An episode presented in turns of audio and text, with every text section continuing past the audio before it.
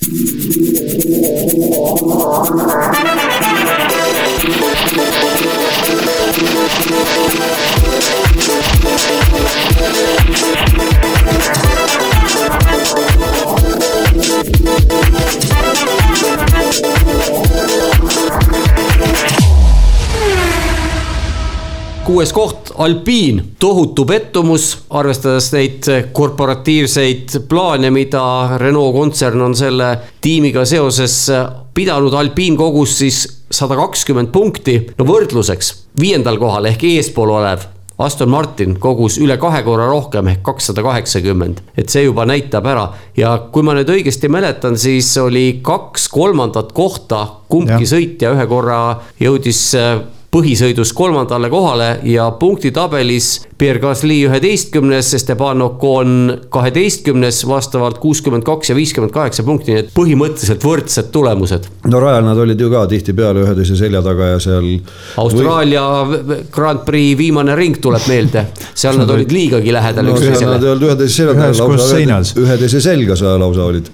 see alpiin sel hooajal oli minu jaoks selline väga kummaline nähtus, et nii nagu ta seal meeskondlikus või konstruktorite karika punktitabelis on ei kellegi maal äh, samamoodi, et selline suhteliselt arusaamatu asi, et kui, kui Haas oli nagu selge noh, selline hädapätakas, siis äh, alpiinil need, minu meelest need tulemused käisid niimoodi üles-alla ja, ja, ja noh, eriti vaimukas oli muidugi jutumärkides see, kui kui kas see Gasly, millal ta tuli kolmandaks, see oli ka mingite asjaolude kokkulangemine, ütles, et. see oh, oligi Sandvortis.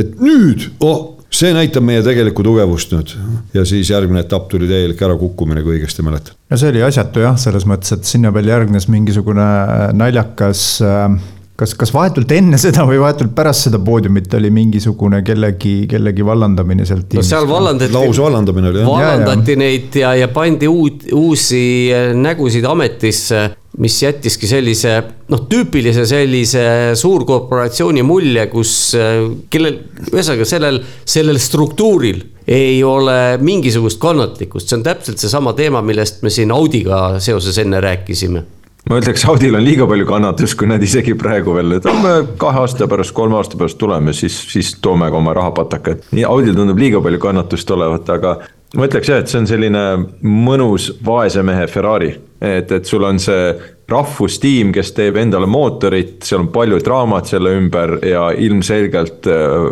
toovad alla oma potentsiaali tulemusi. ja, ja ma lihtsalt tahaks jah meenutada, kuna sellest on nii palju aega möödas juba, et mäletate ju, see oligi pärast Austraaliat vist, äh, kui see mis te mainisite, nad põrkasid kokku omavahel kaks sõitjat, siis äh, Laurent Rossi põhimõtteliselt see oli Kanal plussis või kuskil mingi prantsuse meedia vahendusel lihtsalt sõimas oma võistkonna täis nagu klounideks ja nii edasi ja. ja oli see võib-olla kuu aega hiljem oli ta ise läinud, lahti lastud äh,. hiljem peksti Otmar Schaffnauer minema, tiimipealik äh,. samamoodi äh, Team Enstone'is üle, ma ei tea, üle kolmekümne aasta olnud ju, kaheksakümnendate lõpust või midagi alates olnud. Alain Berman. Alain Berman visati välja, nii et tiim oli tõesti nagu väga-väga suures kriisis, ma ütleks sellest punktist ja nad hooaja lõpupoole suutsid tulemusi veidikenegi näidata, see on hea, aga no ikkagi vaatamata sellele nad kukkusid kaks kohta üldarvestuses. ei vaata, pigem oli. üks protsenti vähem punkte. alguses just head, sellepärast et nad suutsid McLarenit edestada no kuna McLaren oli, oli, oli, oli nii kehv. Haas suutis ka seda teha jah, just no ja kui me vaatame, kus etapil Alpine kõige rohkem punkte sai, siis Monacos kakskümmend üks punkti. jah, Ocon oli kolmas seal. just nimelt ja, ja pärast seda kõige suurem punktisumma oli kuusteist ja seda on lihtne on arvata, et see oli Hollandis. nii et jah, nende, nendelt, aga, aga muidu see punktisaak oli niisugune täiesti, täiesti servast serva, mõnikord jäid nullile, mõnikord olid seal ühe peal. ja, ja ei olnud ka sellist asja, et autode käitumine, vaadates, kuidas mõnikord vajusid ära, mõnikord tõusid, selline kaos, selline tunne oli kõrvalt vaadates, et keegi täpselt ei tea, mis juhtuma hakkab, et, et lähme välja, vaatame, eks paistab. mulle tundus, et neil oli no see on jälle kõhutunne, et neil oli tehnilisi äh, rikkeid ka rohkem kuidagi kui teistel. no aga eelmisel aastal oli samamoodi, eelmisel aastal mäletatavasti Singapuris lendasid mõlemal autol mootorid. tänavu vist ka, kas nad mõlemad ka siin Singapuris katkestasid või seal igal juhul mingisugused jamad neil olid, et ega see, see oli ka jah, oli palju probleeme, see on täitsa õige. aga ja ma mainiks korra lihtsalt seda sõitjate paari, et teiseks kõige teineteisele kõige lähemal olev sõitjate paar siis äh, puht ringiaegade järgi. et Ocon ja Gasly, et Norris ja Hamilton vist on, või mitte Norris, vabandust, Russell ja Hamilton vist on, on, on veel, veel rohkem lähestikku. et noh, nad olid ka punktitabelis teineteise järel. igatepidi, igatepidi hästi võrdsed, et noh, justkui peaks nagu toimima, aga, aga noh, tundub ikkagi, et neid nõrku kohti seal tiimis on nii palju ja see, et nad nüüd kuuendad olid no allapoole oli võimatu langeda, aga kui me vaatame siis ega ei olnud ka mitte mingisugust võimalust kuskile ettepoole minna tõusta, aga, aga Renault kontsern nüüd, kaua viitsib Renault kontsern niimoodi oma mainet täis teha, Renault, kui me räägime, et Gene Haasil ei ole probleemi, et tema võib vormel ühes istuda, kui see raha tuleb.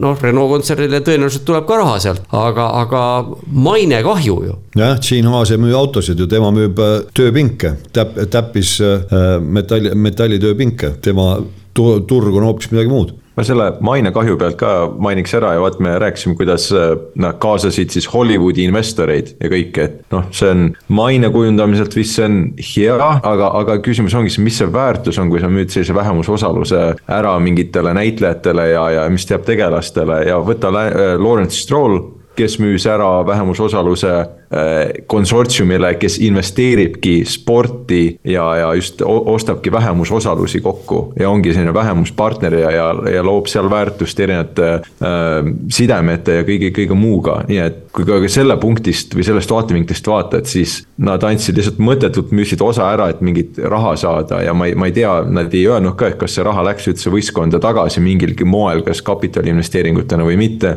nii et seal ei ole nagu sihukest koherentset strateegiat. tee, tee, mis tahad, ei, ei, ei võistkonna juhtimise ega omamise poole pealt kusjuures noh, selline huvitav nüanss tuli praegu meelde, minu meelest see oli alpiinil just äh, Abu Dhabis. Äh, tavaliselt ma neid vabatreeninguid vaatasin ametlikult kodulehekülje pealt, mitte et ma ei kannata Toomase juttu, vaid lihtsalt, et lisainformatsiooni saada üle, ülekandesse pärast, kui, kui ma liitusin seal kvalifikatsioonis ja, ja põhisõidus ja minu meelest see oli alpiinil kui käis boksi kommentaator mööda boksi ja seal, kus eraldi need ninakoonused seisavad, siis Alpine oli kinnitanud lõnga äh, jupid esitiiva alla Abu Dhabis vabatreeningule ja siis ilmselt nad siis filmisid, kuidas need lõngajupid käituvad, need, kes teavad, kuidas enne vanasti ja võib-olla ka praegu mõningatel puhkudel tuuletunnelis vaadatakse, kuidas need õhuvoolud liiguvad. siis selleks neid äh, teatud pikkusega või eripikkusega lõngajuppe erinevates kohtades on äh, kasutatud aastakümneid ja noh, see võib-olla näitab ka seda, kui, kuivõrd äh, segaduses nad seal on, et, et võetakse ka väga-väga vana kooli meetodeid juba kasutusele, et aru saada, mis nad oma autoga tegema peaksid. aga kui Fredi mainis enne äh, Lawrence Strolli, siis äh, mulle tuleb meelde episood, see oli vist esimene hooaeg, Drive to Survive'i esimene hooaeg, kus äh, Lawrence Stroll oli veel Williamsi investor või sponsor või mis ta oli. ja vot see, seal oli niisugune episood, kus oli kas see oli nüüd Monza etapp või kus oli Williamsil oli kõik oli läinud noh, nii valesti kui vähegi saab. ja siis näidati, kus seal garaažis, tiimi garaažis inimesed istusid ja oli teiste hulgas oli äh, Lawrence Stroll niisuguse hästi pika näoga. vot mulle tundub, et need alpiini investorid on praegu umbes samasuguste nägudega nii sellisel optimistlikul toonil võime minna järgmise tiimi juurde, kellel jällegi ei saa üle ega ümber perekond Strollist, Aston Martin. hooaja lõpuks tiimide arvestuses viies koht, kakssada kaheksakümmend punkti, suurepärane tulemus kui vaid oleks hooaeg võinud esimese kuue etapiga ära lõppeda, sest Aston Martini hooaja algus oli ikka täiesti pöörane, noh, see oli põhimõtteliselt nagu muinasjutt või, või nagu film, aga mingisugusel hetkel see film läks katki. igal juhul Fernando Alonsole piisas sellest vägevast algusest, et kehva lõpuga ikkagi neljas koht teenida välja ja Lance Stroll lõpuks kümnes, aga just Strolli punktid võib öelda jäid puudu sellest, et oleks Aston Martin võinud olla noh, põhimõtteliselt miks mitte ka teine. jah, see oli selline tõsine tuhkatriinu lugu hooaja alguses ja mina kiitsin ka seal, et vot palun väga. kõik kiitsid Ad,. Adrian Newey parem käsi palgati või no väidetavalt parem käsi. Äh, Dan Falaus, mees teab, mis teeb ja siis ühtäkki tuli täielik ärakukkumine, et äh, muidugi ütlesid juba vanad kommunistid, et kaadrid otsustavad kõik, see kehtib ka kapitalistlikus maailmas. midagi seal nüüd siis tehti valesti ja tehtigi valesti. ma saan aru, et hooaja keskel, siis kui need tulemused drastiliselt kukkusid, siis ühel hetkel väideti, et nad autole külge krutitud uuenduste noh, kuidas siis arendussuunda tõlgendasid kuidagi valesti või seda, midagi läks neil seal metsa andmete tõlgendamisel, just nimelt räägiti tõlgendamisest. nii et äh, selles suhtes äh, kuidagi mu see, ütleme, arvamus selle, äh, sellest suurest juhist õpet-, õpetajast mõningas mõttes kukkus, aga teisest küljest ega üks mees ei tee ilma, ütleb ju Adrian Newey ka, et ega siis need Red Bullid ei ole üksi tema välja mõeldud ja ehitatud, et noh, keegi on see, kes peab nüüd äh, juga juhtima ja selle õige suuna kätte andma. aga see ongi nüüd kõik kogemus ja tunnetus, et milline see õige arendussuund on, nii et see suund läks neil vahepeal käest ära sihik läks paigast ära ilmselt hooaja keskel. aga leidsid nad siis nüüd selle sihiku, suutsid paika ajada hooaja lõpuks jälle või? päris mitte, minu meelest. no mulle tundub ka, et natukene, natukene aeg-ajalt mõni pauk ikka läks pihta, aga, aga mitte üldse kõik noh, Alonso äh, Brasiilias ju võttis kellelt kolmanda koha ära viimasel ringil? no ja võttis maailma teise, paremuselt teiselt autojuhilt ehk Sergio Peresilt. aga jah, algus oli muinasjutuline, et me ju isegi siin hellitasime lootust, et mis etapil Alonso võiks võita. jah. no ja kus etapil oli võit kõige ligemal? Eh, pakun, et äkki Sandfortis või? jah, põhimõtteliselt küll ja seal oli Alonso oli ju väge täis ka, kui oli vahepeal punane lipp tuli välja ja kui palju seal mingi kümmekond ringi või kui palju lõpuni jäi, siis ütles, et muidugi kindlasti ma lähen Maxi ründama, aga noh, ei tulnud sellest midagi välja. kas, kas ma mäletan valesti, olid Alonso Monacos teine kvalifikatsioonis? Et ja, oli, minu arust seal oli ta nagu lähemal, sest ta tõesti mingi üliväikse marginaaliga kaotas minu arust Monaco. no me rääkisime praegu finiši, finišis äh,, finiši järjestuses.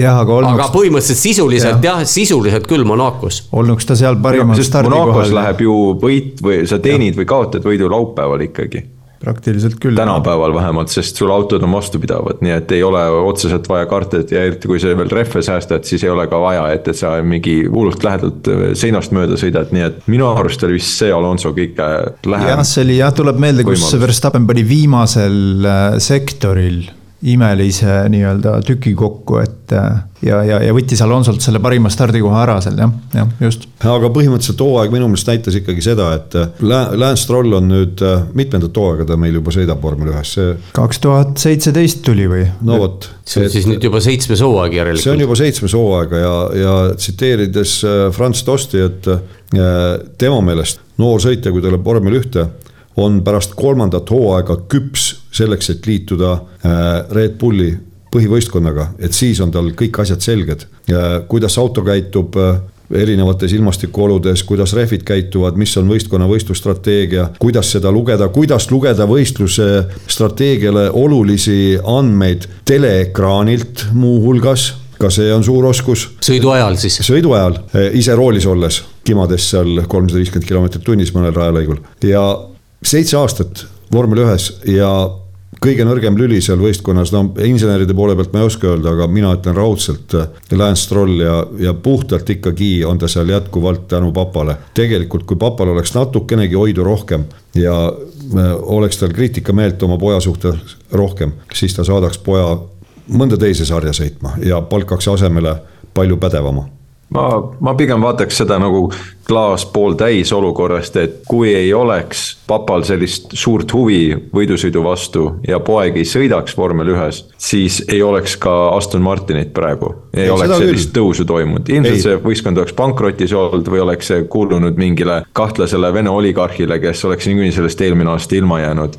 et, et siis see oli, ma ei mäleta, kes see, kes see oli seal, oli ka, ka kakleski selle äh, Mazepini papaga seal. jah, Mazepin oli, oli, kes tahtis seda osta. jah, nii et, et see oleks niikuinii, see oleks uuesti mingi pankrotilahendus või milles iganes olnud, nii et, et selles mõttes on hea, et, et nad on seal. Ja kui see tuleb, kui see tähendabki, et see on sihuke tervikpakett, et tuleb Stroll, tuleb Aston Martin siis noh, olgu, olgu nii siis, on, on ka hullemaid ja ja pigem ma vist sain aru ka vaadates, kuidas Stroll viimase, hooaja viimases pooles sõitis, siis pigem on see vist küsimus selles, et ta on selline sõitja, kes vajab, kellel on väga kitsasene aken.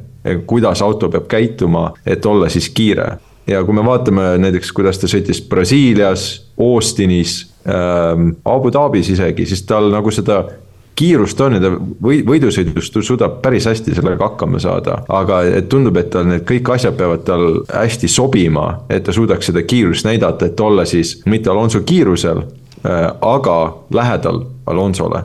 ja, ja kui see ei olnud ja, ja isegi mäletame, Alonso tegi ka tegelikult päris palju vigu hooaja teises pooles, kus ma mäletan seal Singapuris eksis ja Mehhikos tegi spinne ja, ja see auto ei olnud lihtne asi, mida, mida äh, käsitseda. nii et kõike seda arvesse võttes, jah, ma tulen siin Strolli kaitseks välja, aga ma arvan, et ma vist pigem enda jaoks vähemalt kuidagi mõtestan seda niimoodi, et, et ta on pigem sõitja, kellel on selline Grand Prix sõitja kiirus olemas, aga see aken selle saavutamiseks on väga kitsas. no lihtsalt äh, kui me vaatame hooaja algust, eks Strollil oli äh, suur vigastus Äh, mis iganes, millest tingituna, aga, aga ta tuli pool, no päriselt poolvigasena, ilma, ilma naljata tuli ju esimesele etapile Bahreinis. lõpetas selle kuuendana, Alonso oli kolmas, äh, järgmise ta siis, mis meil oli, Saudi Araabia oli teine. selle ja, ta katkestas, katkestas ja edasi ta oli, Austraalias ta oli jälle neljas, eks, Alonso järel, Alonso oli kolmas vist, kolmas-neljas. et tundus, et kõik on nagu justkui paigas, okei okay,, ajasõitudes noh, kuskil seal mõne kümnendikuga saad Alonso käest, noh, pole katastroof ei ole, aga edasi, eks ju, et noh, mis on täpselt see Alonso see stabiilsus, hea küll, enam poodiumeid ei võta, no hea küll, kuuendad, seitsmendad, kaheksandad kohad. aga noh, Stroll oli kolmeteistkümnes, neljateistkümnes, et, et, et jah, nii palju, ütleme seal võiks olla selles Aston Martinis näiteks, et selline Ocon või, või, või Gasly või, või, või keegi, keegi selline Alonso kõrval, eks. aga noh, see on, see on selge, et varem või hiljem äh, need mõlemad sõitjad sealt tiimist lähevad Alonso puhtalt vanuse tõttu ja, ja Stroll seetõttu, et ta enam eh, noh, ütleme nii, et hakka, eh, tegutseb siis vastavalt oma näoilmele, noh, et, et. Eh, no ma ütlen, kõik see, kõik see, mis Strolli puutub, mina olen teda muuseas kiitnud alates aastast kaks tuhat seitseteist alates, eks ju, et noh, et sa ei saa selle vastu midagi, et su isa omab seda tiimi, mis sa siis teed, et sa ei sõida või et nagu mis, mis noh, et sa ei saa ka niimoodi ennast piirata, eks. aga noh, pluss ta on, ta on, ta on saanud Türgi Grand Prix'l sai mingil aastal kaks tuhat kakskümmend sai parima stardikoha, tal on mitmeid poodiumikohti, eks ju, et, et sa ei ole saamatu sõitja selles ei, ta on täiesti, ta on täiesti pädev vormel üks sõitja, selles ei ole üldse küsimustki. absoluutselt, aga, aga lihtsalt, et tal ei ole, see ei ole, ütleme, et kui Alonso on nelikümmend kaks täna vanuselt, eks ju, ja, ja noh, kõik, kes teda tunnevad, räägivad, ütlevad, et see ongi selle mehe elu. see on see, mida see mees teeb, see on see, mida, eh, mis selle mehe defineerib, eks ju, siis see ei ole Strolliga niipidi et Strolli, see on lihtsalt praegu Strolli mingi praegune tegevus, mida ta teeb. et, et sinna tiim, tähendab, et ma, ma ütlengi, et varem või hiljem need sõitjad sealt lahkuvad. ja ma pigem arvan, et see juhtub varem kui hiljem. sa, sa tõid seal alguses ka välja selle hooaja alguse, kus tal hästi läks ja mäletate Alonso raadiosidet Bahreinis kui ta tuli eh, ja ütles raadio teel, et eh, see on väga meeldiv auto, millega sõita, ta on väga hästi balansis mm. -hmm. ja, ja ma arvan ka, et, et see just töötaski Strollile, et kui, kui sul ei ole siukseid imelisi võimeid a la Alonso või Verstappen, et sa suudad autot ohjata mis on, mis on tõesti noateral, siis sul ongi raske, sul ei tulegi neid tulemusi, palju ju palju neid sõitjaid Verstappeni kõrval on olnud, kelle ta on ära hävitanud just selle tõttu ja, ja teistpidi mis, mis ma tahtsin nüüd öelda veel sel, sel. samamoodi on Alonso, Alonso neid hävitanud enda kõrval. ainus põhimõtteliselt, kes Hamilton on seal kaela kandma õppinud, on ju Hamilton, eks ülejäänud on ju kõik tappa saanud. teevadki seda. niimoodi, kas me Alonsot kiidame ka või, või jätame selle veel edasiseks, meil üks peatükk on veel, kus me saame teda kiita. alati valmis Alonsot kiitma tubli, hästi esines. Strolli ka jah, aga, aga lähme siis tiimidega edasi. McLaren lõpuks neljas, täiesti põhjast üles kerkinud. kõige selle asja juures paneb mind imestama ikkagi, et kuidas see auto alguses nii viltu tehti, kuidas ta nii valesti ja nii aeglane tehti kas see ei olnud mitte terve hooaja muster, kus äh, kõik autod peale võib-olla siis Haasi ja Red Bulli olid sellised, ütleme, kes. ei, äh, ei, ei olnud, ei, ei omanud mingit õiget kohta. ei või? olnud, enamusel see vorm oli kõikuv, aga täiesti selgelt kaks tõusjat olid äh, McLaren ja Alfa Tauri. ma mäletan ka etappe, kus äh, Mercedese või Ferrari'ga ei saadud kuhu ühest edasi. ei no, aga neil käis see kõikus, see kõikus niimoodi, aga McLarenil oli täiesti selge mis etapp see oli, Austriasse, kus toodi see suur uuenduste pakett ja siis ja, läks ühele, ühele sõitjale, raketiga üles. sealt alates. kas te mäletate, selleks hooajaks äh, taheti sellest äh, hüplemisest lahti saada ja, ja selle tulemusel siis muudeti ja tõsteti auto põhja äh, ääri eelkõige ja, ja muudeti ka difuusori, mis seal oli, et äh, difuusorit tõsteti ka vist kümme millimeetrit või midagi sellist. et, et seal erinevad asjad olid mängus ja, ja kui te mõtlete tagasi selle McLareni auto esitlemisele, see oli veebruaris minu arust, siis äh, see oli nagu leina meeleolu ja, ja mis seal oli väga huvitav fakt kogu selle juures, et James Keed, nende tehnilist direktorit, ei olnud kohapeal ja kui ma õigesti mäletan, see tuli juba vist pärast seda, kui ähm, oli lahkunud Andreas Seidel. Minu arust Andres, kas Andres Seidel lahtus, lahkuski siis äh, eelmise aasta detsembris või midagi sellist Sauberisse, ma ei mäleta täpselt neid täpseid kuupäevasid, aga niimoodi oli ja see oli väga veider, kui sa esitled uut autot, mille võistkond on kokku pannud, siis sul pole seda inimest, kes vastutab selle loomise eest koha peal ja noh, kaua ei läinudki aega, teatati, et äh, James Key lahkub võistkonnast ja nüüd tuleb täiesti uus restruktureerimine. siis no nüüd on James Key on, on James Key läks edasi siis äh, Alfa Romeosse või noh, Sauberisse järgmiseks hooajaks. aga need muudatused, nad teadsid juba, seesama Leina meeleolu tuleneski sellest, et nad teadsid, et nad on mööda pannud selle põhjaga ja põhja arendamisega. ja, ja nad ütlesid, jah, et meil esimene nagu see tõeline, see pakett, mida me tahtsime, et meil oleks, tuleb alles Bakuusse.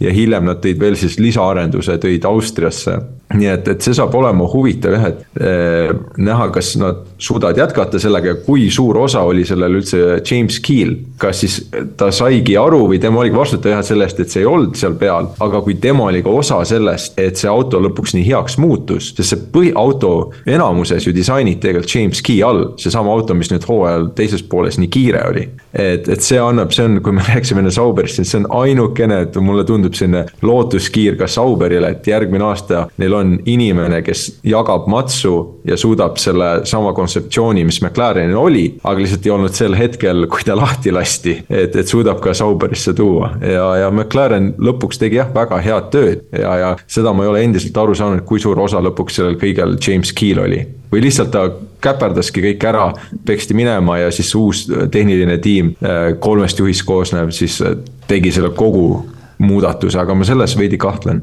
Eks me seda saame teada siis, kui James Key ükskord memuaare kirjutab või, või keelepallad vallanduvad kuskil intervjuud andes. jah, vaata sellisest suhtelisest, suhteliselt lähiajaloost on, on ütleme sarnane näide on Ross Browniga ja Mercedesega, et ta ka oli seal kaks tuhat kümme kuni kaks tuhat kolmteist noh, varasemalt siis küll ka Brownis ja Hondas, eks ju, kõik, mis eelnes.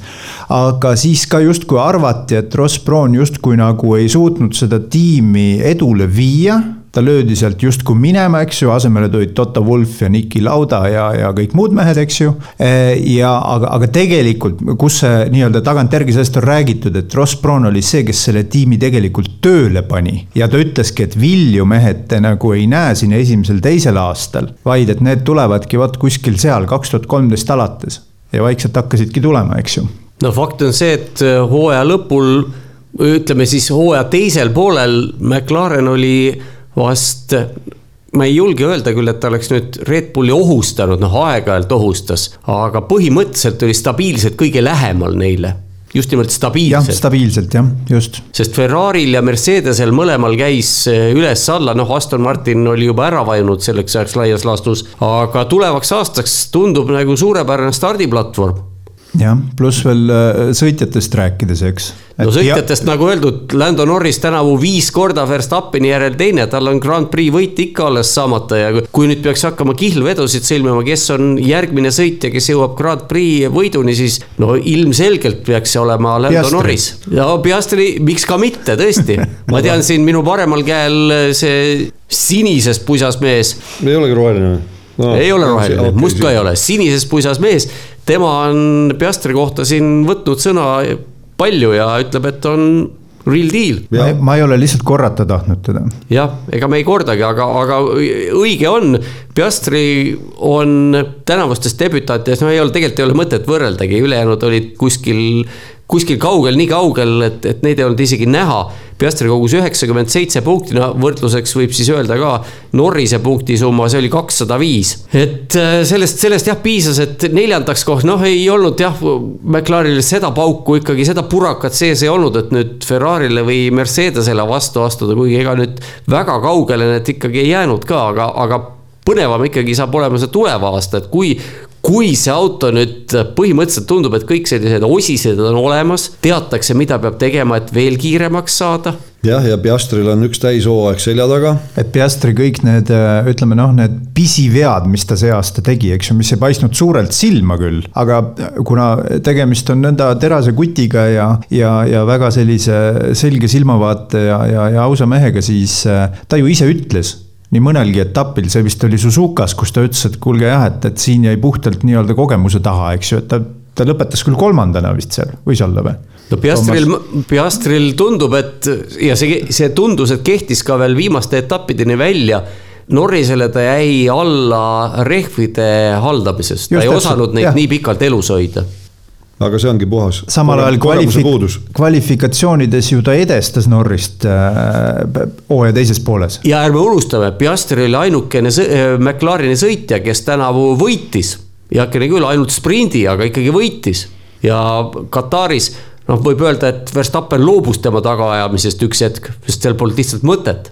aga Piastri võitis ja ei, järgmine aasta saab põnev olema tõesti, et kui nad sellel tõusulainel jätkavad, siis äh, Norris on selline tuntud kvaliteet juba ja, ja Piastri noh, tõesti, ma usun, et tal see saavutatud kuulsus nüüd pähe ei löö ja kui ta teeb samamoodi tööd edasi, samamoodi areneb edasi, siis väga-väga äh, põnev saab olema. kas lähme Ferrari juurde? Aga palun. Ferrari lõpuks siis kolmas, nelisada kuus punkti, kolm punkti vähem kui Mercedesel, sõna otseses mõttes viimaste meetriteni käis Abu Dhabis see võidusõit, kes tiimide arvestuses saab teise koha, kes kolmanda ja sõitjatest Charles Leclerc viies, Carlos Sainz lõpuks seitsmes. Ferrari oli ainukene tiim peale Red Bulli, kes suutis Grand Prix tänavu võita Singapuris Carlos Sainzi käe ja eelkõige mõtte läbi. aga kui me vaatame kogu hooaega, siis äh, see oli, mina ütleks ikkagi selline tüüpiline Grande Casino nagu Ferraris palju-palju kordi on olnud. jah seal oli noh, Leclerc'il oli tehnilisi rikkeid, ärme. Saintsil ka no,. Saintsis on Kataris startigi. siis äh, noh, üldse ei maksa rääkida loomulikult nende võistlusstrateegiast, no tõesti, see strateegia osakonna pealikuks tuleks panna Sainz ja, ja ma ei tea siis. Äh, kelle sa sõitjaks paned? takti-, ei no tundub, et ta saab autoroolis ka sellega hakkama täiesti ma, ma ütleks, et Ferrari sõit oli jah, vaadates, äh, nad kaotasid ühe koha konstruktorite arvestuses ja kakskümmend seitse protsenti vähem punkte eelneva aastaga võrreldes samuti, siis nad oleks pidanud olema teised ja neil läks nii palju punkte kaduma, okei okay,, see strateegia strateegiaks, see, see, on see selleks, see on juba nagu tuntud, tuntud värk eelmisest aastast või veidi isegi varemast, varasemast, aga lihtsalt see fakt, et äh, Leclerc kaotas kahel etapil nagu põhimõtteliselt kõik punktid selles mõttes, et Äh, Austinis sõidis Clafi, Brasiilias äh, äh, soojendusringil auto lagunes ära, Saintsil Kataris auto lagunes ära, et neid, neid kokku, kui võtad seda kõike, kus nad käperd-, käperdasid ära see enda potentsiaali, siis nad oleksid selgelt pidanud olema Mercedesest ees, neil oli kiirem auto kui Mercedesel ja, ja kui me rääkisime ise ka siin Hamiltonist, et oh, Hamilton on kolmas ja kuidagi nagu üllatuslikult või midagi, siis oligi see, et nad lihtsalt tegid sihukest, nagu ma olen varem ka öelnud, Richard Burnsi ja lihtsalt nagu tõid punkte koju ja, ja ei midagi säravat, aga vähemalt nad olid kuskil mingis võitluses sees ja, ja Ferrari lihtsalt sellega, et nad, neil auto vedas nii tihti veel lagunes ära, nad ei olnud selles võitluses ja kui see võitlus ei ole, siis ei saa ka punkte teenida. ja üldkokkuvõttes ikkagi kolmas koht ja, ja Ferrari'le võime öelda küll, et see hooaeg oli, oli päris korralik ebaõnnestumine. jah, nõus no Ferrari ka ikkagi hooaja lõpul sai nagu hoo uuesti üles, just see põhiline probleem, mis neil oli, et rehvid kulusid kole kiiresti ära, siis sellele mingisugune lahendus nagu ikkagi viimastel etappidel paistis, et oli leitud. niimoodi. see no, tuli Monsast jah. Carlos Sainz ju vaata rääkis sellest, et nad suutsid mingisuguse seadle leida, et äh, nad ei hävita täielikult oma rehve ära ja autol on, on ka veidikene äh, reaktiivsust ja, ja see tuli Monsas, Monsas läks neil hästi ja sealt järgnevatel etappidel ka, et tegelikult kui me võtame selle trendi, siis hooaja teine pool oli, oli selgelt tugevam, see võib anda neile veidi positiivsust ja lootust järgnevaks hooajaks, aga kui siin räägitakse jälle mingi kontseptsioonide muutusest ja nii edasi, siis jumal teab, mis sealt võib tulla see, see jutt teeb jah ettevaatlikuks, aga nüüd, kui me vaatame sõitjaid, siis äh, Leclerc on küll tabelist lausa kaks kohta kõrgemal kui Sainz, aga vahe on ainult kuus punkti ja hooaja jooksul küll sellist muljet ei olnud, et Leclerc võiks nüüd olla rohkem esisõitja kui Sainz, ma ei räägi ainult sellest Singapuri Grand Prix võidust, aga, aga üleüldse aga mina sain aru, et äh, seal vahepeal hooaja keskel neil äh, midagi seal auto juures muudeti, mis Leclerc'ile ei sobinud ja nüüd hooaja lõpus, nagu me nägime, oli Leclerc jälle Sainzist natukene küll, aga oli kiirem. Ja väidetavalt seal seadete juures nüüd midagi sobivat äh, Leclerc'ile leiti, et auto on noh, tema jaoks siis sobivam, kui ta oli hooaja keskel nii et see on, see on sellistest pisikestest nüanssidest alati kinni. no samas, kui me kvalifikatsioone võrdleme, noh teadagi, Leclerc on kvalifikatsioonispetsialist, Leclerc võitis neli korda kvalifikatsiooni tänavu, viis. Isegi, viis isegi. Ja Sainz oli kas kaks või kolm korda. et noh, vahe on ikkagi selgelt sees aga mina ütleksin, et Sainz oli praegu kindlasti lähemal Leclerc'ile, kui ta on varem olnud. no ta oli mingil aastal ees isegi Leclerc'ist. no punktid ei näita näita nagu tegelikku, tegelikku seisu, punktid märgavad, eks ole, paremas järjestuse, aga, aga kui me niimoodi sisuliselt vaatame. nii, aga mis siis jah tulevaks aastaks tehakse uus auto, nii et kõik hakkab jälle algusest peale, et seda peab, peab natukene Ferrari puhul natukene kartma seda teine koht, Mercedes, sõitjatest Lewis Hamilton kolmas, kakssada kolmkümmend neli punkti, George Russell kaheksas, sada seitsekümmend viis punkti. aga nagu Fredi siin juba vihjas, nii, nii Mercedese teine kui ka Lewis Hamiltoni kolmas koht, need on mõlemad sellised ohoh kas tõesti, kuidas see sai juhtuda, et sellist muljet, et nad võiksid nii kõrgel olla, praktiliselt kordagi hooaja jooksul ei tekkinud. ei tekkinud jah täitsa nõus, ma olen ka seda öelnud, et äh, eelmises saates vist juba ütlesin, et täitsa üllatav, et kui aasta kokkuvõtet vaadata, et mis, kus, mismoodi ja siis äh, ma ka ennem seda tänast äh, salvestust ja osaliselt otseülekannet siis vaatasin küll mitte kõiki etappe, neid lühikokkuvõtteid va vaatasin üle ja siis seal oligi ju, et mis juba hakkab meelest ära minema, täpselt ja nagu siin Martin ütles, et hooaeg oli nii pikk, et hooaja algust enam ei mäletagi. et pidevalt oli, oli Hamilton seal kuskil noh, esikolmiku piirimail seal neljas ja, ja niimoodi ja, ja sai selle kolmanda koha ka siis, kui jälle Ferrari'l midagi tuksi läks või mingi selline teema. et ta otseselt ei säranud, pildis nagu ei olnud, et oligi selline anonüümne sisuliselt hooaega läbivalt aga, punk, aga punktid tõi ära ja tõi punktid kõigilt etappidelt, hoolimata sellest, et ühel etapil põhisõidus ta diskvalifitseeriti, aga sai äh, ikkagi sprindisõidus sai punktid. Kataris ka katkestas, vaata. seal juba avaringil sõitis äh, tiimikaaslasele. jah, Russellile, Russellile otsa, nii et sealt no, ei saanud ühte ringigi tehtud.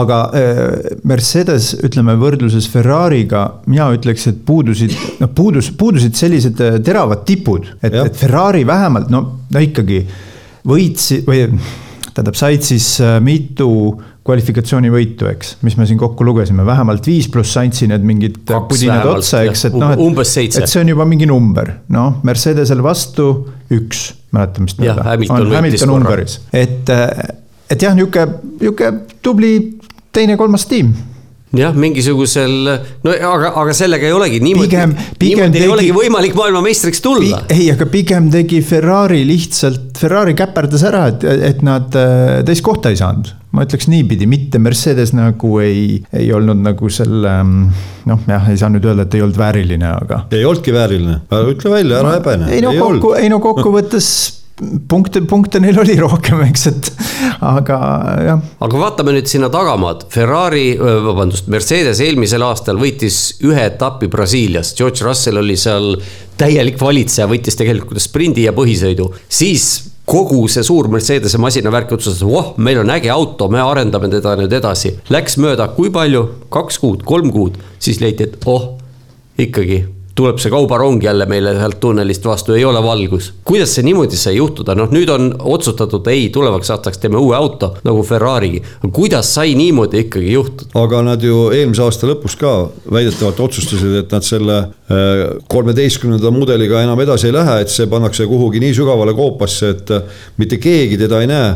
ja ometi tuldi veebruaris testidele ja sama auto vahib vastu praktiliselt ja nüüd äh, lõpptulemus on siis see, et James Allison vangerdati tagasi. noh, ühest küljest võib öelda, et degradeeriti, aga teisest küljest pandi oma õigele ametipostile tagasi, tehnikadirektoriks. ja tundub, et samm-sammult areng toimub ja kui nad nüüd järgmine aasta väidetavalt siis unustavad kõik seoses tänavuse auto, aasta autoga ja puhtalt lehelt alustavadki, siis lootus jääb, et Allisoni juhtimisel tõustakse jälle tippu, nii nagu see oli äh, hübriidajastu kuldaeg nendel. jah, Mike Elliot oli see siis, kes eelmise aasta auto tegi, oli pea, peakonstruktor sellel ja see aasta samamoodi ja see aprillis või midagi sellist, nad vahetasid ja. Äh, vist Allisoniga kohad ära ja nüüd on ta üldse läinud, Elliot. jah, ja siis ütles, et üldse äh, lahkub äh, vormel ühest, nii et ei, tundub, et jah, ei olnud see, see õige vangerdus. Mercedes on muide aastate jooksul väga-väga hästi hakkama saanud kõigi nende tehniliste vangerdustega, kus Paddy Load on, on lahkunud ja, ja muid inimesi on, on kohti vahetanud seal ja nad on ikkagi suutnud äh, päris hästi kõige sellele, sellele vaatamata oma tugevust säilitada, siis see aasta oli veel kehvem ja muide, mäletad, millal viimati Mercedes ei võitnud äh, hooaja sees etappi? kaks tuhat üksteist. täpselt nii, nii. ja hullem veel, Mercedes, Mercedese mootor ei võitnud ka tänavu ühtegi etappi, Mercedese kliendid ka tänavu ühtegi ei võitnud ja kas selline asi oli viimati kas kaks tuhat kuus või midagi sellist et väga-väga-väga ammu ja noh, see võrdlus veel, et pärast seda, kui Lewis Hamilton oma, Lewis Hamilton on endiselt sada kolm Grand Prix võitu, aga see sada kolm püsib tal juba alates viiendast detsembrist kaks tuhat kakskümmend üks. pärast seda on Max Verstappen võitnud kolmkümmend viis Grand Prix'd ja kolm MM-tiitlit et see, see on minu meelest selline, selline võrdlus, mis noh, lööb, lööb igasugustel muudel võrdlustelgi jalad alt ära kohe täiesti jah, üks asi, mis me tahtsime lõpetuseks öelda, et, et väike tipp oli minu jaoks äh, Mercedesel selles mõttes, et äh, just see Katar, äh, Ameerika Ühendriigid ehk Austin ja Mehhiko periood, need kolm, kolm sõitu. Ja seal Hamilton oli tegelikult väga kiire. Sai küll Kataris, kui me ütleme selle esimese sellest kolmest, siis seal läks jah, esimesel ringil läks veidi uljaks kätte ja, ja Russell, kes oli ka kiire, eks ju, kukkus äh, kukkus sõitjate. aga ta oli nii kaua, nii kaua kiire, kuni äh, rehvid hakkasid alt ära kuluma, eks jah, aga, aga lõpetas neljandana ikkagi, oli ju Russell neljas seal. no ja Kataris, Kataris, jah, Kataris ilmselgelt äh, kaks esikolmiku kohta Mercedesel olid ülimalt tõenäolised ilma selle esimese kurja hariita jah, ja me ei tea, mis oleks tegelikult võinud täitsa sõidus juhtuda, kaheks, kahe, kahekesi rünnanud Verstappenit, kes oli üksinda seal. aga USA samamoodi ju tegelikult Hamilton vaata, et oli kiirem kui Verstappen seal ja püüdis äh, sõidu lõpuosas ka tuli kogu aeg järjest lähemale Verstappenile, et, et see oli minu arust see, see nagu täiesti kõrgpunkt nende hooajas ja, ja Mehhiko teine koht, noh, seal ei olnud tüüpiliselt neil ei olnud äh, Red Bullile midagi vastu panna, aga ikkagi teine koht äh, ja, ja kiirem ring. nii et oli seal midagi, aga noh, siis see Sao Paulo ärakukkumine ja Las Vegases ja, ja Abu Dhabis ka, kus nad lõpetasid seal noh. Russellil oli kiirust, aga Hamiltonil no kõik need viimased kolm etappi olid ikka nagu väga-väga hädised ju, kus, kus Russell sõitis väga hästi, sai, äh, mis see oligi, neljas, kolmas, neljas oli Russellil, Hamiltonil kaheksas, seitsmes, üheksas. et, et midagi seal jälle auto juures niimoodi muutus, et nad ikka nii, nii kukkus ära Hamilton võrreldes varasemaga, et ei, ei tea jah, ime, imelik äh, hooaeg kokkuvõttes ja jääb siis üksainus võistkond, kes võitis tänavu põhimõtteliselt kõik, mis võita andis, välja arvatud ühe Grand Prix. Red Bull kaheksasada kuuskümmend punkti tiimide arvestuses ehk rohkem kui Mercedes ja Ferrari kokku. ja sõitjatest Max Verstappen maailmameister kolmandat aastat järjest seekord. viissada seitsekümmend viis punkti, uus rekord, üheksateist võitu hooajal, uus rekord kümme võitu järjest, uus rekord ja nii edasi ja nii edasi.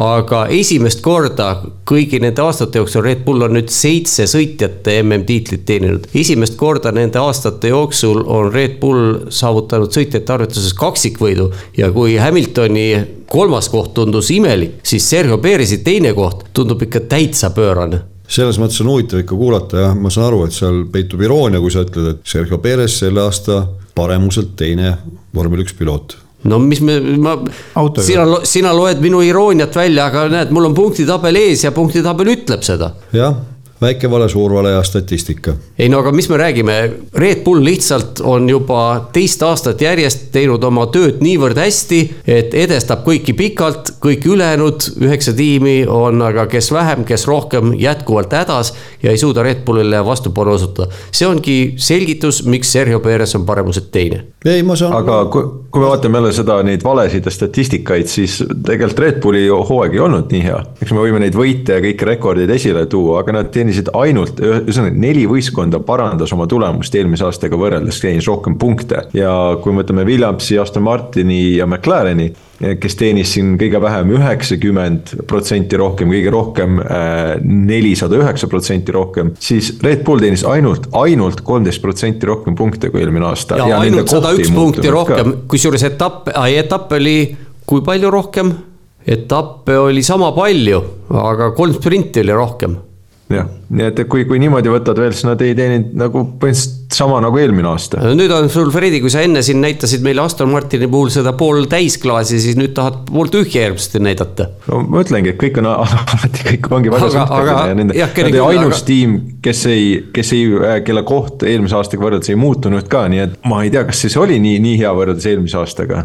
aga kõige selle taustal on ikkagi täiesti arusaamatu, kuidas nad Singapuris nii põhjalikult mööda panid. ei oska öelda jah, midagi nad seal oma ütleme eeldustes või, või simulatsioonides äh, valesti tegid, et, äh, et sellel autol kiirust ei olnud, noh väidetavalt ta oli seadistatud siis liiga kõrgeks, jah.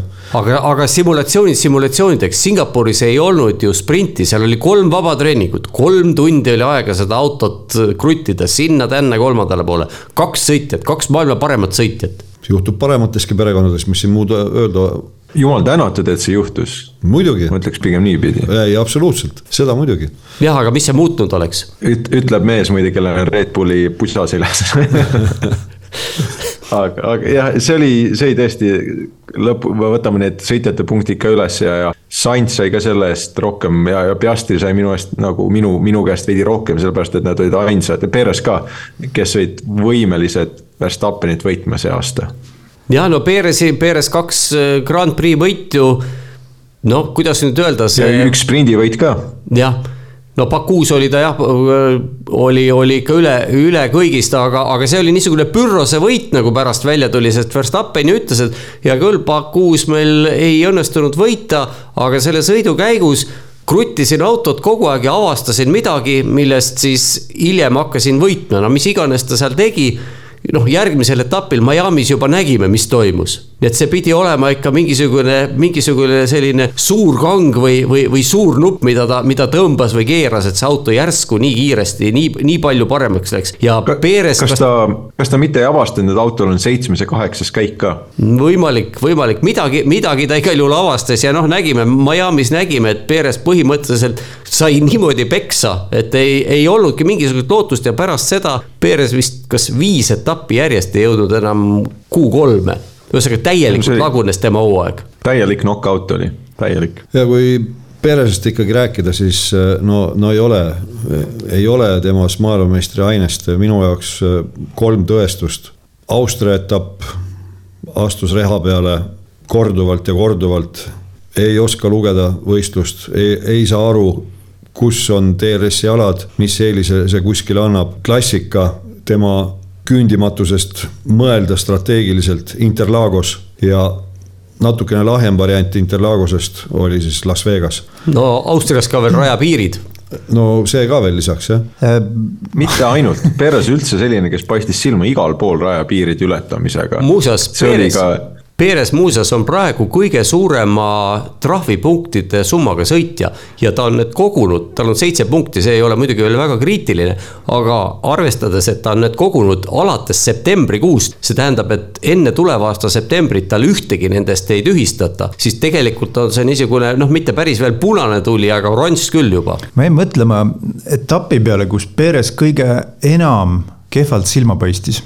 ühesõnaga, kus ta noh, kõige nagu kõige-kõige kehvemini mõjus. see oli Jaapani Grand Prix minu jaoks. et mind isegi see ei häirinud, et Alonso tast viimasel ringil mööda sõitis ja Leclerc etapp hiljem ja, ja Jaapanis, mis juhtus, kõigepealt stardis tal õnnestus kokku põrgata, hea küll, see ei olnud otseselt tema viga, Hamiltoniga õnnestus kokku põrgata, mis tähendas seda, et ta vist tuli esitiibe vahetama kohe, kohe, kohe pärast esimest ringi. siis ta istus mingisuguse haasi taga kinni, see võis Magnussen olla ja ta sinna äh, nõelasilma kurvi minnes siis täiesti noh seda olukorda ei saanud niiviisi hinnata. tema tasemel sõitja ei, ei peaks seda niiviisi hindama, ühesõnaga sõitis külje pealt sisse sellele aasile, ma ei mäleta, kas Magnussen katkestas selle tulemusena või mitte. siis oli meil mingi turvaauto rajal see võis olla täpselt sellest tingitud. nii, äh, Perez tuli boksi ja ta tuli siis, tähendab, ühesõnaga sel hetkel, kui ta ei olnud veel boksi jõudnud, siis ta äh, sõitis mööda, veel rajal olles sõitis mööda äh, oma ees, ees, ees olevatest sõitjatest. ühesõnaga sellega teenis ära kollaste lippude all siis äh, möödasõitmise eest äh,, siis äh, ühesõnaga sai karistuse ja nüüd boksist välja tulles ta tuli sellise hooga välja, et sõitis uuesti mööda Kahest tüüpidest, kes seal ees ja. olid.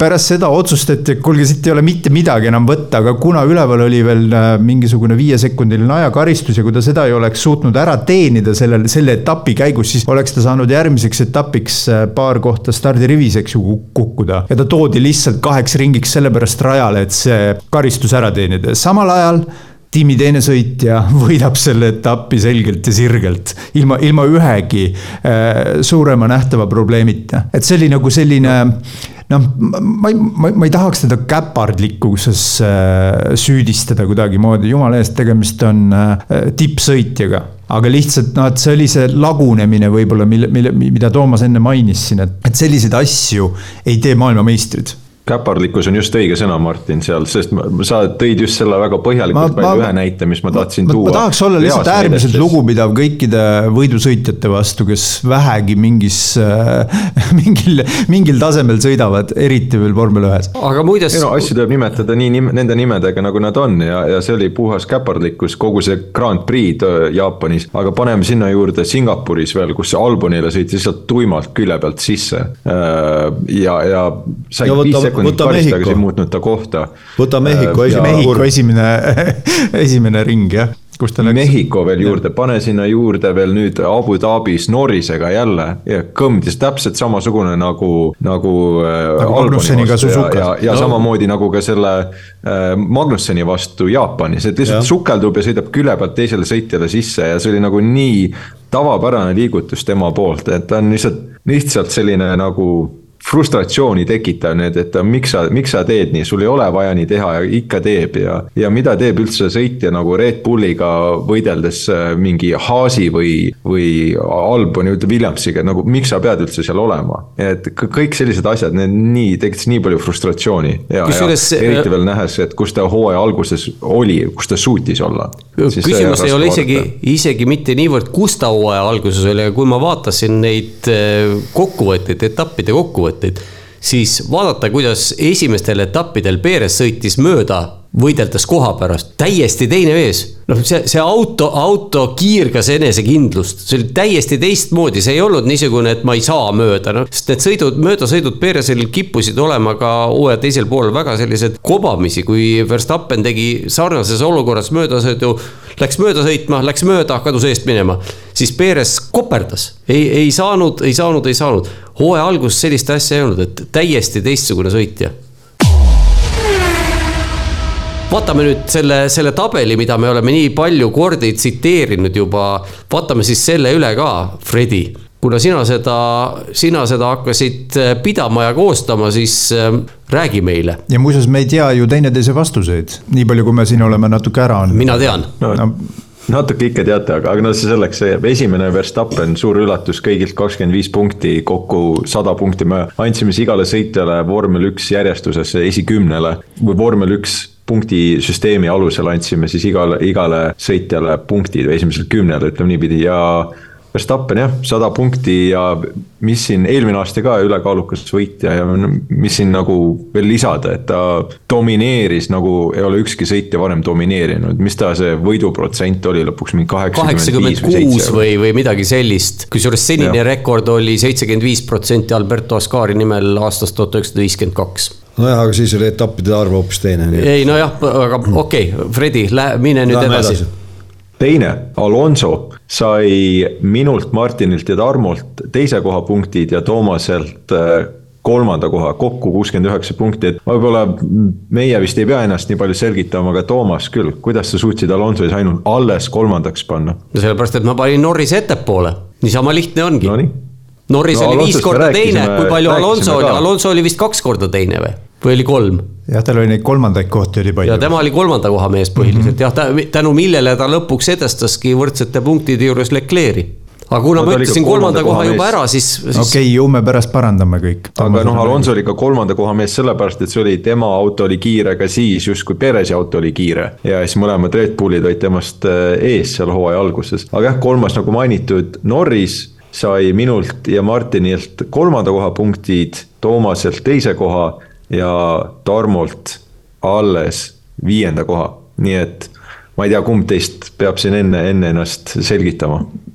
no panin ta viiendaks mina juba selgitasin, minul ei ole midagi selgitada see on jube, jõle põnev. Tarmo, Tarmol on nagu, nagu Kimi Räikköneni kohta küsiti, et, et miks sa, miks sa, mis number tal oli, seitse või? miks sa number seitsme valisid? mulle öeldi, et pidi numbri valima, valisin seitsme no täpselt. Tarmo vali samamoodi, Tarmo pidi panema sõitjad järjekorda, panin Norrise viiendaks. panin no olgu, Norris oli kolmas viiekümne kaheksaga ehk üksteist vähem kui Alonsol. neljas oli meie arvestuses Sainz, äh, mina ja Martin panime mõlemad viienda kohad, äh, viienda koha punktid, Tarmo andis kolmanda koha Sainzile ja Toomas neljanda. minul, minul oli õige vastus. mina võin põhjendada oma seda otsust puhtalt Singapuri tulemuse põhjal. See tõstis minu jaoks ikkagi Sainzi äh, poodiumile. mina paneks veel Monza veel juurde sinna, mulle meeldisid mõlemad et, et ma, ma neid ka,, neid kahte etappi hindan kõrgemalt kui Leclerc'i viit parimat stardikohta. stardikohtade eest ei anta punkte, aga hea küll, lähme edasi, Fredi, palun sama siin jah, Saintsile nelikümmend seitse punkti kokku, mina andsin ka Saintsile kõrgema koha just hooaja peale. just sellel, sellel, selle fakti tõttu, et ta oli ainukene, kes suutis Grand Prix peale äh, Saintsi, vabandust, peale Perezi ja Verstappeni võita, nii et, et see oli juba päris palju väärt.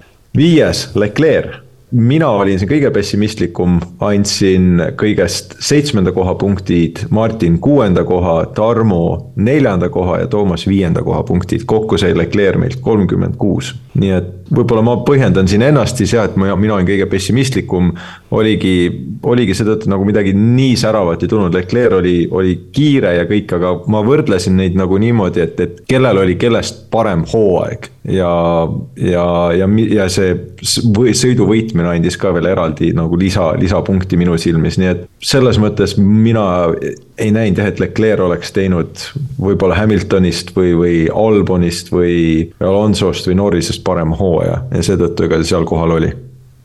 nii, aga ei noh, mis seal ikka, ma vaatan, et mul on esimesed, oi mul on läinud see, põhimõtteliselt on mul kõik õiged vastused esimese üheksa hulgas, mul on läinud ainult Alonso ja Norris omavahel vahetusse aga, aga lähme nüüd edasi, lähme nüüd edasi, Leclerc'iga võrdselt kolmkümmend kuus punkti kogus veel üks sõitja. Toomas on see aritmeetiline keskmine siin aga jah, kolmkümmend kuus punkti teenis ka Hamilton ja mina andsin talle, mis see on siis, kuuenda koha. Martin andis neljanda koha Tarmo andis samuti kuuenda ja Toomas ka kuuenda. lõpetas siis kuuendana Hamilton meie edetabelis. Martin, miks sa nii positiivne Hamiltoni suhtes oled? jaa, aga ta kokkuvõttes tegi, kui, kui see Katar välja arvata, siis oli ju tipp-topp hooaeg selle, ma vaata, vaata, kui ma just ise, ma arvan, mina olen seda kõige rohkem siin rõhutanud, et äh, kõik käisid üles-alla. Äh, nii tiimid kui sõitjad, kui Hamilton ei käinud. Hamilton pidanuks isegi olema eespool Perezist. Hamilton pani väga-väga ilusti täpselt see, mida minu meelest just nimelt tal tiimikaaslane Russell ei teinud, seetõttu oli ka Russell äh, maailmameistrivõistluste üldarvestuses kaheksandal kohal lõppkokkuvõttes see on minu põhjendus. ja Russell, jah, jah, okei okay,, selge. Hamiltoni järel seitsmes meie edetablis on Albon. Äh, minult neljanda koha punktid, Martinilt seitsmes, Tarmolt üheksas, Toomaselt äh, jälle seitsmes, lõpetas küll seitsmendana. no õige vastus, ma räägin noh ja no, et nagu taaskord ma jälle ütlen, miks mina neljanda koha andsin Albonile, sest ma tõesti ei näinud, et keegi oleks temast selles nimekirjas parema hooaja teinud, sest äh, Alonso, Norris, Verstappen minu silmis oli, tegi parema hooaja ka lihtsalt ka tulemuste poolest, eks ju, see on teatud igatepidi see nagu kaldusele esiotsa sõitjatel, kellel lihtsalt on paremad äh, autod istumise all.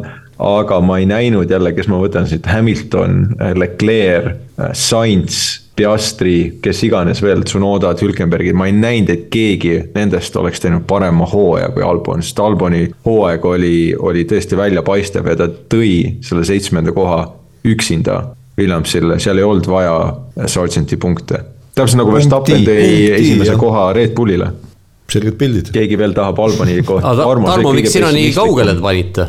jah ega seal äh, oligi, ütleme kuuendast kohast tagapool oligi minu jaoks ka väga raske neid järjekorda panna. no panin nii sellepärast, et kuhugi pidi panema eks, eks jah, nende tabelitega on niimoodi, et kui me nüüd äh, peaksime näiteks kolm päeva vahet, me ei mõtleks sellele ja teeksime siis uuesti tabelit, siis äh, noh, ma ei tea, kui paljud, võib-olla pooled sõitjad oleksid kuskil teistel kohtadel, ma olen täiesti veendunud selles. ja täiesti võimalik, aga lähme edasi. no lähme edasi äh,, oligi kaheksas Russell, teenis kümme punkti ja mina ja Martin ei andnud mingit punkti Russellile, minu arust täiesti õigustatult. ma ei saa aru, mis teil mõttes oli, Tarmo, Toomas, aga ma, ma Tarmo andis seitsmenda Tarmo andis seitsmenda koha ja Toomas eh, kaheksanda koha punktid. mis teil arus oli? no aga Russell on ju kaheksas. kuhu ma siis oleksin pidanud ta panema sa, sa ei teadnud seda enne mis siis, et ma ei teadnud, ma ennustasin kõhutunne. Ja no see on, see on nüüd täpselt seesama asi, mida ma siin, mida Tarmo, mida Tarmo püüdis siin enne millega ennast välja vabandada ja mina ütlen sama, et, et kui ma seda tabelist teeksin mõne päeva pärast, siis ma ei tea, kuhu, kuhu ja, ja kas ma üldse Russeli sinna esikümnesse paneksin, võib-olla ei paneks võib-olla paneksin, võib-olla paneksin mõne teise koha peale. sama, sama siin. no fakt on see, et igal juhul Russeli osas jah, läksid arvamused väga, väga selgelt lahku, kui kaks meist ei pidanud teda üldse esikümne vääriliseks. ei, ei, ei, vaata, oota, ma ühe korra veel selgitan, et mitte, et ei pidanud vääriliseks, aga no lihtsalt. Eh, ma... no mis ei pidanud vääriliseks no,? ei pannud ei, ei, ei pannud ju noh, tabel vahib välja vastu. kedagi teist Ära... lihtsalt tuli ka panna. no vot just tulidki teised panna, teised olid väärilisemad, nii lihtne ongi nii, nii kuulame edasi. okei okay., üheksas samuti kümne punkti peal, aga kuna ta ei saanud seitsmenda koha punkte nagu Tarmo otsustas siis Russellile panna, ma ei tea, mis, mis joobnus, joobnud olekus, aga äh, Ras-, äh, Piastri siis sai minult ja Martinilt, samamoodi jälle me väga tihti paneme siin samu või vähemalt lähedale punkte, siis äh, sai Piastri kaheksanda koha punktid, Tarmolt mitte ühtegi Tarmo, the real deal ise ütleb ja, ja, ja Toomas pani üheksanda koha punktid, nii et. ja sai kokku kümme, aga tal ei olnud ühte seitsmendat kohta, nii et jäi Russellile alla. No põhjendan, ega poiss ei tohi nii palju kõrvust tõsta, läheb uhkeks. õige, las harjutab veel. las harjutab.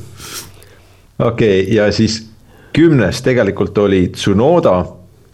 mis mõttes äh, tegelikult? Kasliga samamoodi neli punkti, aga Tsunodal oli äh, Äh, mis on siis kaheksanda koha punktid ja Gasly teenis ainult minult ja Martinilt äh, kaks üheksandat kohta. ja ainus põhjus, miks Tsunoda selles nime top kümnes on, on, on see, et Tarmo pani talle siis need kaheksanda koha punkti, neli punkti ja keegi teine meist ei andnud isegi Tsunodale mingit punkti. ja, ja, ja et ei jääks arusaamatuks, siis mina ei andnud ei Gaslile ega Tsunodale.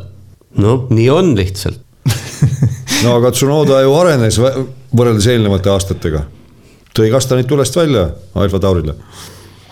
Ma ei oska selle peale mitte midagi vastata. ei peagi vastama mina, mina andsin ühe punkti veel lõpus siis Perezile, kuna ta tõesti võitis mõned etapid ja ühe, ühe selle sprindisõidu.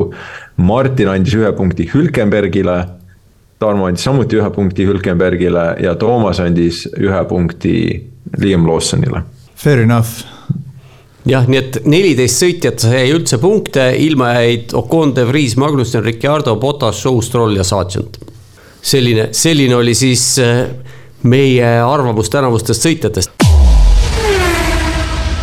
oleme nüüd juba oi kui kaua rääkinud, aga räägime natukene veel sellest, mis ees seisab, võiks ju seletada siin igasuguseid asju. tuleval aastal kakskümmend neli etappi esimest korda väga lühidalt kokkuvõttes Hiina etapp tuleb tagasi kalendrisse, Jaapani etapp on tõstetud sügiselt kevadesse, Aserbaidžaan vastupidi, kevadest sügisesse. ettevaatlikuks teeb see, et Las Vegase ja Katari vahel on jälle ainult kuus päeva ja sinna tuleb kohe veel otsa ka Abu Dhabi ja on üldse siis kolm sellist seeriat, kus kolmel järjestikusel nädalavahetusel sõidetakse ning noh, tavaliselt nagu ikka, augustis on neli nädalat äh, suvevaheaega, aga siis taaskord on selline veider neljanädalane suvevaheaeg ka Singapuri ja, ja Austini etapi vahel. kui me nüüd väga lühidalt kokku võtame noh, logistiliselt ma ei ütleks, et midagi paremaks on nüüd seesama Kanadasse hüpe keset suve järsku, põhimõtteliselt kõik sama jah, et lubati küll, et äh, muditakse seda kalendrit logistiliselt paremaks, aga mida me näeme, muutusteta see, et Jaapanis sõidetakse kevadel, see on mõistlik ilma mõttes ja ilmselt Bakuus sügisel on ka, et ei ole nii palav, aga, aga kõik muud asjad on ju nii, nagu nad on liiga palju etappe on. no juba tänavu oli liiga, liiga palju, palju., et ma tahaks nüüd,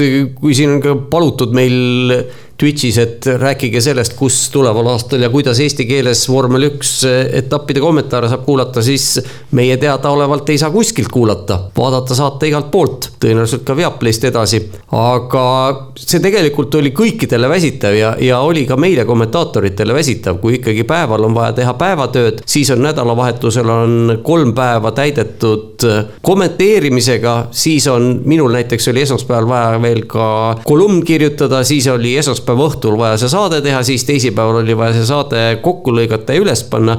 ja niimoodi kolm nädalat järjest, siis see on päris, päris kurnav ja see oled kõigest sina, mõtle nüüd äh, vormel üks tiimide peale. ja ma, ma tean, ma kirjutasin sel teemal ka ühe kolumni, et mina ei pea sõitma kuskile maailma, ma ei tea, kuhu tagumisse otsa ja, ja mul ei ole mingisuguste ajavahede ja lennureisidega probleeme, mul ei ole mingi võõra söögiga probleeme, ma ei pea kohanema kohalike oludega. mul on väga lihtne elu sellega võrreldes. jah, selles mõttes äh, paljud äh, inimesed ei kujutagi ette, et äh, mida see endast kujutab, kui on näiteks kolm nädalavahetust järjest äh, etapid erinevatel kontinentidel lausa. no seesama viimane, viimane Las Vegase ja Abu Dhabi vahe, seal oli ju õnneks Las Vegases sõideti laupäeval, aga see tähendab, et pidid äh, kohe, nii kui oli seal see finiš ära, kohe tiimid hakkasid, no nad hakkavad tegelikult enne juba pakkima, pidid asjad ära pakkima lennuki peale ja kui me nüüd vaatame kaardi pealt